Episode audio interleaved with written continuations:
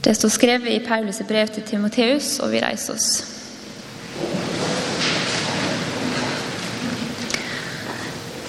Ja, å frykte Gud og være fornøyd med det en har, er ei stor vinning. For tomhendte kommer vi inn i verden, og tomhendte må vi fare herifra.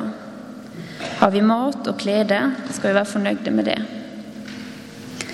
Men de som vil bli rike, faller freistinger og snarer og blir gripen av mange slag tåpelige og skadelige lyster som støyter mennesket ned i undergang og fortaping.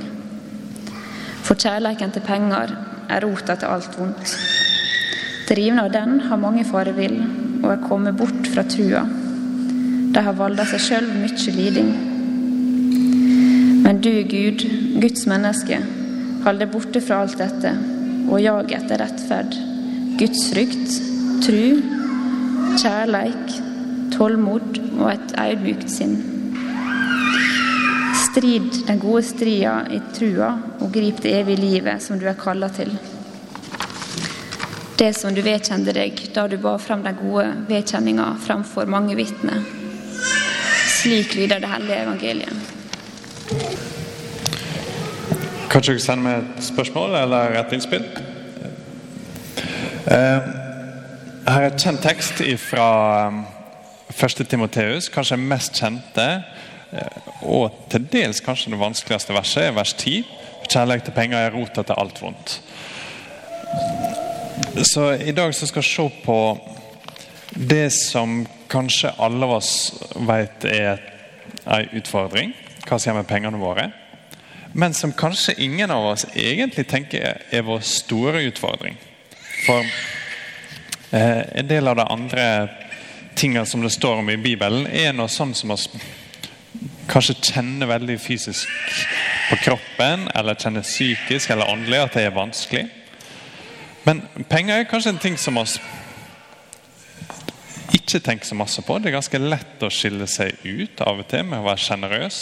Eh, og ofte så vet oss lite om hvor sjenerøse andre er. Så derfor har jeg ikke tenkt å begynne med å snakke om, eh, om penger, egentlig. Men jeg tenkte å begynne der teksten begynner. Ta gjerne og Se på den. Den er bakpå arket som du fikk når du kom. For teksten begynner med å være fornøyd.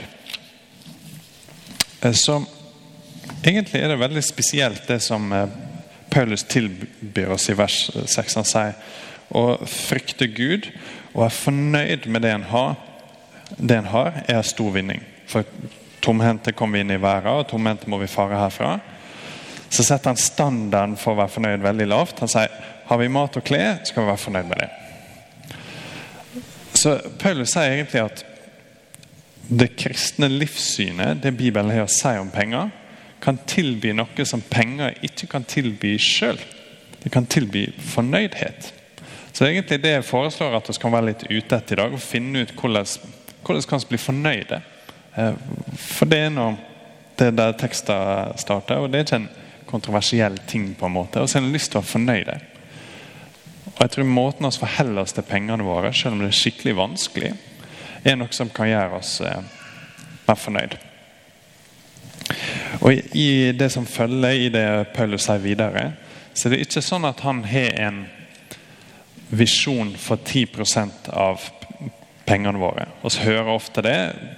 Tradisjonelt så har det vært 10% som har vært på en måte en sånn rettledende sum for sjenerøsitet. I Det gamle testamentet så er den lovfesta for israelsfolket. Og i Matteus 23, 23 tror jeg det, så eh, snakker Jesus positivt om tienden. Og sier at det er en ting som skal gjøres. Men i den teksten her så for oss hjelp til å gå litt dypere. Her er det ikke snakk om på en måte hva skal du gjøre med pengene du gir vekk, eller det du er sjenerøs med. Her er det snakk om alle pengene dine. Hvordan skal du forholde deg til alle pengene som du får til å forvalte i løpet av et liv? Enten det er masse eller lite. En eh, kar som heter Francis Bacon. Kan du tenke deg et eh, bedre etternavn enn Bacon? Det må åpne så mange gode dører for han. Men eh, Francis Bacon har sagt, visstnok, eh, at penger er en kjempegod tjener, men at det er en grusom mester. Og Egentlig så er det en ganske god oppsummering ikke sant? av mye å se i dine tekster. Å frykte Gud og være fornøyd med det en har, er stor vinning. Men kjærlighet til penger er rota til alt vondt. Når det står at det er rota til alt vondt, i en del engelske oversettelser så står det all slags vondt. Så det er ikke sånn at nødvendigvis det store problemet, f.eks. syndefallet, så er nå egentlig ikke penger der. Men vi ser en del av den samme dynamikken i vårt hjerte når vi har med penger å gjøre, som vi ser i syndefallet. Um, men jeg tenkte, jeg tenkte, at jeg kunne si litt om livssyn. I det sekulære Norge i dag så er kanskje i økende grad et livssyn som er veldig vanlig, er det materialistiske livssynet. Og Da tenker ikke oss på, på en måte at folk er glad i materielle ting, selv om mange av oss er det. Men vi tenker på at det materielle universet, eh, kosmos sånn som det fins fysisk, er det eneste som fins. Så det sekulære livssynet på en måte avgrenser seg til det, og er ofte veldig glad i darwinismen. Så Ofte så vil du høre folk si at eh, jo, altså jeg kom dit vi er i dag fordi det har vært en lang rekke med at den sterke har vunnet over den svake. Den sterke spist den svake. Og til slutt så har vi kommet seirende ut på toppen, sånn at dere sitter her i dag som på en måte kronverket på en lang darwinistisk rekke. Dere har hørt den tanken før. Hvis vi tenker litt på det nå, så er ikke det et livssyn som nødvendigvis legger seg veldig opp til å være sjenerøs. For hvis det er sånn at eh, du sitter her etter lang rekke med at den sterke har vunnet over den svake, så er det litt vanskelig å se at det da i livssynet ditt skal ligge en stor oppmuntring til å plutselig snu seg og si jeg vet at jeg er sterk, eh, men nå tenker jeg at denne gangen så skal det være den svake som, som blir løfta opp. At det vil på en måte gå imot eh, årtusen, enda mer enn det med millioner av år med historie. Men så vet vi av erfaring at heldigvis så er ikke det sånn det er satt ut i praksis. Altså Det er masse folk rundt oss, eh, kanskje noen av dere, som eh, på en måte står for det materielle verdensbildet, det sekulære, darwinistiske verdensbildet, som samtidig er skikkelig sjenerøse. At en kanskje ikke tar konsekvensen av sitt eget verdensbilde, men er bedre enn sitt eget verdensbilde. Det ser oss ofte. ikke sant? Og vi kan tenke på eh, f.eks. sekulære milliardærer som gir vekk summer som både faktisk og prosentmessig er kjempeimponerende. Så kan du også se på religioner. Du kan se på ulike religioner. F.eks. islam har et bud. Det står at de skal gi eh, penger til de fattige. Så de har et bud. De får på en måte en eh, beskjed om å være sjenerøse. En ting som er diskutert ofte i Bibelen, er at bud er litt sånn tosidig. På en måte så er bud veldig greie å ha med å gjøre, for du kan, du kan huke av boksa. At hvis du setter en prosentsum, f.eks., eller en pengesum, eller en viss antall mat, eller noe sånt som du skal gi, så kan du fullføre det. Du kan, eh, kan huke og bokse. Og Det som er faren da, når du sitter med masse bokser du kan krysse av, er at det er stort potensial for å løfte seg sjøl opp og løfte andre ned. Eller trykke andre ned. At det er ganske lett å si jeg er en sånn person som gir det jeg skal. Eller motsatt. Jeg er ikke god nok, for jeg klarer ikke, jeg klarer ikke å på en måte finne sjenerøsiteten. Mm. Så du sitter på en måte og stanger mot et bud. Men der også ser vi egentlig samme, samme greia. At selv om budet kanskje er litt kaldt, at det kanskje ikke blir gitt så masse virkelig tungt materiell til å bli sjenerøs, så ser vi i mange ulike religioner at folk er utrolig sjenerøse. Eh, jeg kjenner flere muslimer som er veldig sjenerøse. Og igjen så ser vi samme greia som er det materialistiske verdensbildet. At folk tar kanskje ikke alltid konsekvensen av sitt eget verdensbilde. De er enda mer sjenerøse enn hva du skulle forvente.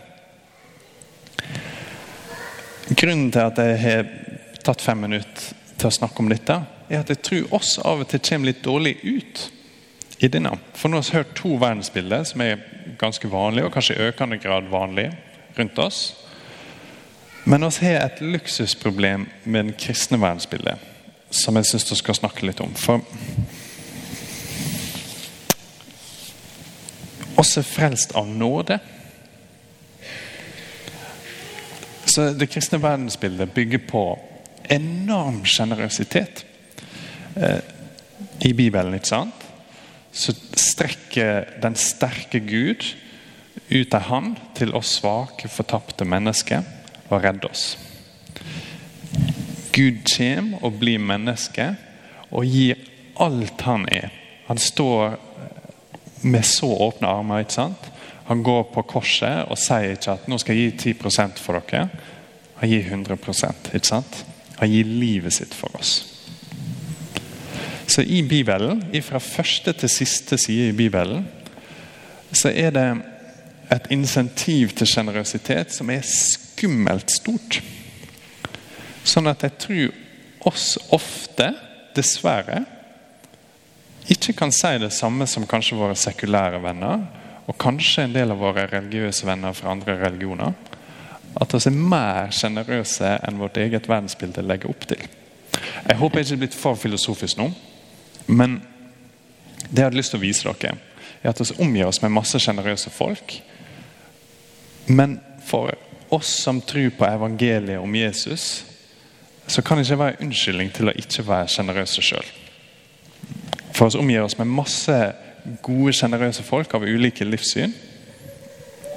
Men akkurat på oss som tror på evangeliet om Jesus, så har f.eks. fattige som kommer bort til oss, de har et større krav på oss.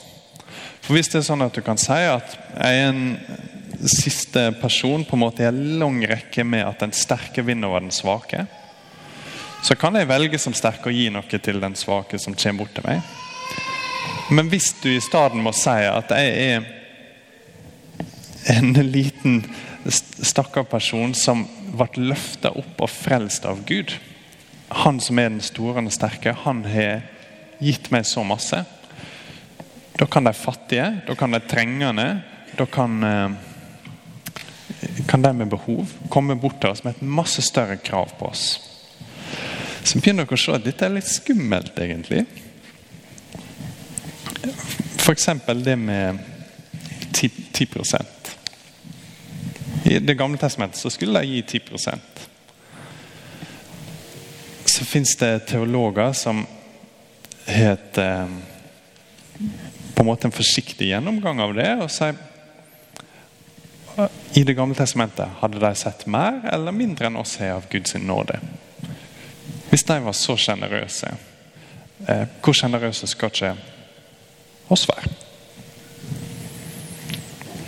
Ok, men eh, For å for å på en måte ha litt å bygge opp dette under, så satt jeg litt på Statistisk sentralbyrå, bare for å finne ut hva, eh, hvor sjenerøse tenker de at oss er. Eh, og de tenker at oss er ganske sjenerøse. Eh, norske folk Nå tenker jeg generelt på ikke hensyn til livssyn eller noen ting. Norske folk ga i 2016 3,2 milliarder kroner som de fikk skattelette for. Så da er det ikke snakk om eh, penger som dere f.eks. har gitt i kollekt her. Men hvis dere er fast giver her, sånn at dere har gitt inn eh, personnummeret deres og får tilbake på skatten, ikke sant? da er det den summen telt med her. Så nordmenn ga 3,2 milliarder. Så 3000 millioner kroner, ikke sant? Året etter, i 2017 så var det totale forbruket til norske husholdninger 1391 milliarder kroner. Så det vil si at I 2016 så ga oss vekk 0,2% av det vi brukte i 2017. Så Jeg tok litt serviettmatematikk, så dette tallet må dere ta med en enorm klype salt. Men det ser ut for meg som det, det tallet som var penger som ga vekk med skattelette, er ca. like masse som vi brukte på sjokolade. Cirka. Ok, Men så har vi disse tekstene her. Vi har tekster i Bibelen om sjenerøsitet. Ja, frykte Gud og være fornøyd med det en har, er stor vinning. Kjærlighet til penger er rota til alt vondt. Um, så hva skal gjøre? Selvsagt er det naturlig på en måte en konklusjon av dette å tenke at oi, så må vi faktisk sette oss eh, ned og begynne å gi. Og jeg vet ingenting om hva dere gir. Det er derfor jeg er såpass frimodig som jeg er. For eh, kanskje med ett eller to unntak så vet ikke jeg hvem som er fastgiver i det hele tatt til kirka. Og iallfall som jeg kommer på nå, så har ikke peiling hva noen av dere gir. Eh, og det er jeg veldig glad for sjøl. For jeg, jeg vet ikke, Det kan hende at du eh, er den mest sjenerøse i hele rommet her. Eh, og det kan hende at du gir til masse, masse skjulte oppdrag som ingen vet om, heldigvis. Så ikke, ikke tro at jeg tenker at dere er usjenerøse. Men jeg tenker at og ser at generelt så er det en utfordring for oss som det norske folk. Og jeg tenker at det kanskje kan være en spesiell utfordring for oss som kristne, siden vi har så masse å hente i trua vår. Så hva, hva bør vi gjøre, da? For det første så er det sånn som vi snakket om i stad. Hvis du er kristen, så er det naturlig å gi penger for å hjelpe å spre evangeliet. Så er det naturlig å støtte misjonærer, kanskje. Det er naturlig at du støtter din egen menighet, enten det er her du føler du hører hjemme, eller på bedehuset eller en annen plass. Det er naturlig at du på en måte let pengene dine jobbe for å gi mer glede, særlig evig glede. Det er også naturlig, sånn som litt, jeg hinta litt til i stad, eh, å gi fast for rettferdighet. Gi for å lette lidelse og minske fattigdom. Litt sånne ting. Men sånne ting kom dere på sjøl, tror jeg. Så jeg satt og, jeg satt og tvinna barten min litt og prøvde å komme på ting som dere kanskje ikke kommer på med en gang. For jeg tror også å snakke om i sted, at Her er ikke bare snakk om i den teksten det er pengene som vi nødvendigvis skal gi vekk. At du bør kanskje snakke med ektefellen din eller hvem det er naturlig med, og på en måte finne ut hva dere har lyst til å gi vekk. Eh, og Det er forresten ganske masse vanskeligere sjøl. Jeg håper jeg ikke har gitt dere en fast sum eller prosentsum. For det er veldig enkelt. ikke sant? Det er masse bedre at dere snakker sjøl i lag og finner ut hva vil være sjenerøsitet for oss som matcher livssynet vårt. Og tro iallfall ikke at jeg tenker vondt om sjokolade. Jeg er veldig glad i sjokolade. Um, men med de andre pengene liksom pengene som skal gå til forbruk, så kan det kanskje være naturlig å investere dem i gode ting.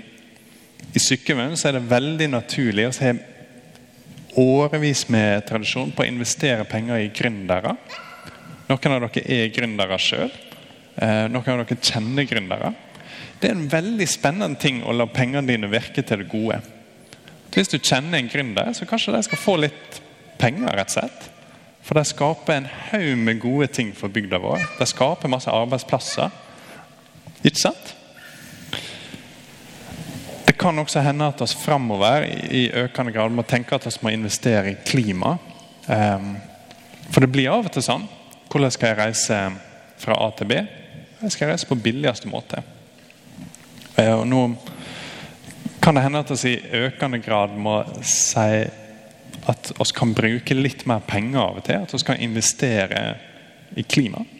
Og da er vi egentlig på en sjenerøshet som matcher denne teksten. For det er ikke penger som styrer oss lenger, det er andre ting. Eh, men jeg har egentlig lyst til å runde av kjapt, sånn at jeg kan få se på spørsmålene deres som dere sendte inn. Bare si litt om nåden. Eh, stor, stor motivasjon, sånn som jeg har sett, er Jesus' sin nåde. At Hvis du har lyst til å bli mer sjenerøs, så er du nødt til å begynne der. tenker jeg. At det må være Kristus' sin nåde som driver deg til sjenerøsitet. Og Jeg har et sitat som jeg klart å miste. Ligger det et sitat der? Samme det. Det var ikke så bra. Men det det gikk på, eh, var en kar som heter George MacDonald, som skriver veldig gode fantasibøker. Han er død nå. Han er fra Skottland, tror jeg. Eller Irland. Han sa at et problem med menneskehjertet er at det kan ikke lagre ting. Vi kan lagre ting i tanken vår for eksempel, og huske det. og sånn. Men ting vi lengter etter, det kan ikke vi lagre. Og Derfor har ikke penger så masse de kan gi til oss. For oss lengter etter å være fornøyd. ikke sant? Oss lengter etter å få, få ting som vil gi oss stor glede og fornøydhet. Men hjertet kan ikke lagre, sier George MacDonald. Så løsninga hvis hjertet ikke kan å lagre, fortsatt han som blir sitert veldig fritt, eh, er å gå til giveren. At Hvis du ikke kan lagre gaver, så gå til giveren og ha selve giveren. Og Det er poenget her. Det er det det kristne livssynet tilbyr, egentlig. At vi trenger ikke å høre på penger sitt ønske om å være vår mester. For det det tilbyr oss, den fornøydheten som det tilbyr oss Det kan hende vi får det, men vi kan ikke lagre den, vi kan ikke holde på den. Så Derfor har vi lyst til å strekke oss et hakk til og gå til selve giveren av gode gaver. Han som gir oss penger, han som gir oss sjokolade, han som gir oss alle de gode tingene vi har. Det er bare han som kan gi oss en djup fornøydhet. Så Derfor slutter teksten. Men du, Guds menneske, hold deg borte fra alt dette, og jag etter rettferd, Guds frykt og tru, kjærleik, tålmod og et øydmykt sinn. Strid den gode striden i trua, og grip det evige livet som du er kalla til. Det du vedkjente deg da du ba fram den gode vedkjenninga framfor mange vitner. Ok. Jeg skal ikke si hvem som har sendt eh, hva. Eh, her er veldig godt, godt innspill. Eh, hva med viktigheten av å gi vår tid også? Mange ensomme mennesker. Kjempebra. Jeg er veldig glad for eh, den personen som har sendt inn dette. For her er personen trukket fram noe veldig viktig som jeg burde sagt helt i starten. Egentlig så jeg tabba meg litt ut. Jeg har sagt nå skal jeg snakke om sjenerøsitet. Og så er jeg fokusert bare på penger. Men sjenerøsitet har nå en drøss med ulike måter det viser seg på. ikke sant? Og for mange av oss så er energi og tid kanskje enda mer dyrebart av og til enn penger. Eh, så absolutt. Og vi kan, kan gjøre samme steg. ikke sant? Se på verdensbildet ditt. Se hvor sjenerøs Kristus er med deg. Og tenk gjennom tida di. Så jeg er helt med på det. Um, her er et spørsmål. Hvordan bli medlem i Den norske kirke? Det, uh, det kan vi uh, snakke mer om etterpå, men det er artig at dere spør om det. Jeg tar det som et godt tegn. Ehm, her er faktisk enda et spørsmål. Tid er penger, blir det sagt. Kan man bruke tida si? Eh, er det en del av dette? Kan hende vi må snakke mer om det neste uke. Men jeg tror ikke jeg sier mer om det nå. Kom gjerne bort og og snakk med meg. Nytt spørsmål. Når Gud har gitt alt, må jeg ha dårlig samvittighet uansett, siden jeg aldri gir alt. Veldig godt, eh, veldig godt poeng. Um, og Personen som har spurt her, tror jeg har igjen tatt tak i noe som jeg kanskje sa litt uforsiktig. For jeg sa Jesus ga 100% av seg sjøl. Han målte ikke opp 10 av sitt blod for å frelse oss. Han ga hele seg. Um, så er det sånn at oss må gi alt før vi kan få, kan få god samvittighet. Mm, nei. Og du bør snu på det. Du bør aldri se på pengene dine for å gi deg god samvittighet. Eh, spørsmålet er kjempeviktig, for det går rett til kjernen av kristendommen. egentlig. Hvordan vet du at du kan ha fred med Gud, at du kan ha god samvittighet. Det har ingenting med pengene dine å gjøre. Det har med Jesus sitt offer for deg, at han døde for deg. Så måten å bli mer sjenerøs er ikke å på en måte skvise på samvittigheten sin og se om det kommer penger ut i andre enden. Det er med å ta til seg av eh, Guds nåde, sånn at f.eks. frykt At du av og til kan tørre å gi ting som koster deg litt. Men nå har jeg kanskje juksa litt også. Eh, jeg er litt redd for å si akkurat hvor masse vi kan gi for å eh, gi nok, for jeg veit ikke. Mm. Historisk så er det masse som taler for 10 eh, Det er mange kloke folk som på en måte hekter seg på det tallet. Men det kan hende økonomien din er sånn at 10% ikke svir i det hele tatt. Eh, så kanskje, kanskje det er en måte å tenke på, at Kristus ga et eller annet som gjorde at han måtte ofre. Eh, hvis vi har en sjenerøsitet både med tid, som mange av dere trekker fram, og penger, som gjør at det aldri koster oss noe, at vi aldri sier nei til noe, så er kanskje det et tegn vi kan tenke gjennom. I hvert fall. Et veldig godt spørsmål. Jeg tar noen til. Um, vi blir lett bundet av å passe på pengene våre. Blir vi vante til å gi, kan vi bli fri nok av det å være bunden. Så Veldig godt innspill. Eh, her er en person som, eh, som gir oss en oppmuntring, rett, rett, og slett, og kanskje en erfaring også. At vi kan bruke pengene våre til å bli mer fornøyd. Det går an å få en frihet eh, og en fred som vi bare kan kjenne med sjenerøsitet. Um, her er også noen som trekker frem tid. Det viktigste en gir, er faktisk tid en bidrar selv i frivillig arbeid. Ellers har vi penger til å betale det vi vil. Uh, men det hjelper, det hjelper, ikke hvis ingen kan bidra med egen innsats. Kjempeviktig. Her i kirka for eksempel, så har jeg satt opp eh, tre fokusområder for at dere kan være sjenerøse med deres egen kirke. Det er å be, å jobbe frivillig og gi fast. Så De tre tingene er også i rekkefølge etter viktighet. At Hvis du skal gjøre én ting for kirka di her, så er det å be for den. For oss er så avhengige av at Gud velsigner oss for at vi skal kunne gjøre noe som helst. Så er det å engasjere deg og være aktiv her. og I dag for eksempel, så er det mange som dere ikke ser, som har gjort et frivillig arbeid inn mot at denne gudstjenesten skal funke. Og så har Soknerådet også bestemt seg for å ha fokus på fast givertjeneste. Eh, I dag så lurte jeg veldig på om jeg skulle droppe offer, for å på en måte hjelpe dere til å tenke litt mer på fast givertjeneste. Eh, kirka er selvsagt veldig glad for pengene dere gir i kollekt her.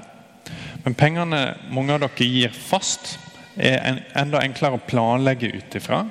Og staten er også med å sponse dere. Så det går an å gi samme summen og plusse på litt som du får igjen på skatten. Hvis du vil. Eh, og tar oss kjapt tid til et siste. Hvem skal vi gi til? Hvordan skal vi velge? Dette skal dere få bestemme helt sjøl. Eh, og det kule, egentlig, det ligger, ligger gulrot her. at Hvis dere går hjem, sitter litt med kalkulatoren og så har jeg akkurat fått skattemeldinga vår tilbake fra 2018 Hvis dere sitter litt med den, så vil mange av, mange av oss sitte igjen med en sjokkerende spennende sum. Der vi kan gjøre masse godt. Vi kan gjøre en stor forskjell i folk sine liv. Det kan hende at du skal gi anonyme gaver til folk. Det kan hende at du bestemmer deg for å gi fast til kirka her. Det kan hende at du bestemmer deg for å Ja, tenk på det. Jeg har egentlig ikke lyst, lyst til å svare. Du skal velge sjøl. Nå har jeg brukt eh, all min tid og vel så det, så oss runder vi av kjappen. Eh, gode far, oss takker deg for eh, alle pengene du gir oss, at du forsørger oss. Hjelp oss å være gode forvaltere av deg, Eh, og gi oss en sjenerøsitet som, eh, som matcher livssynet vårt. I Jesu navn. Amen.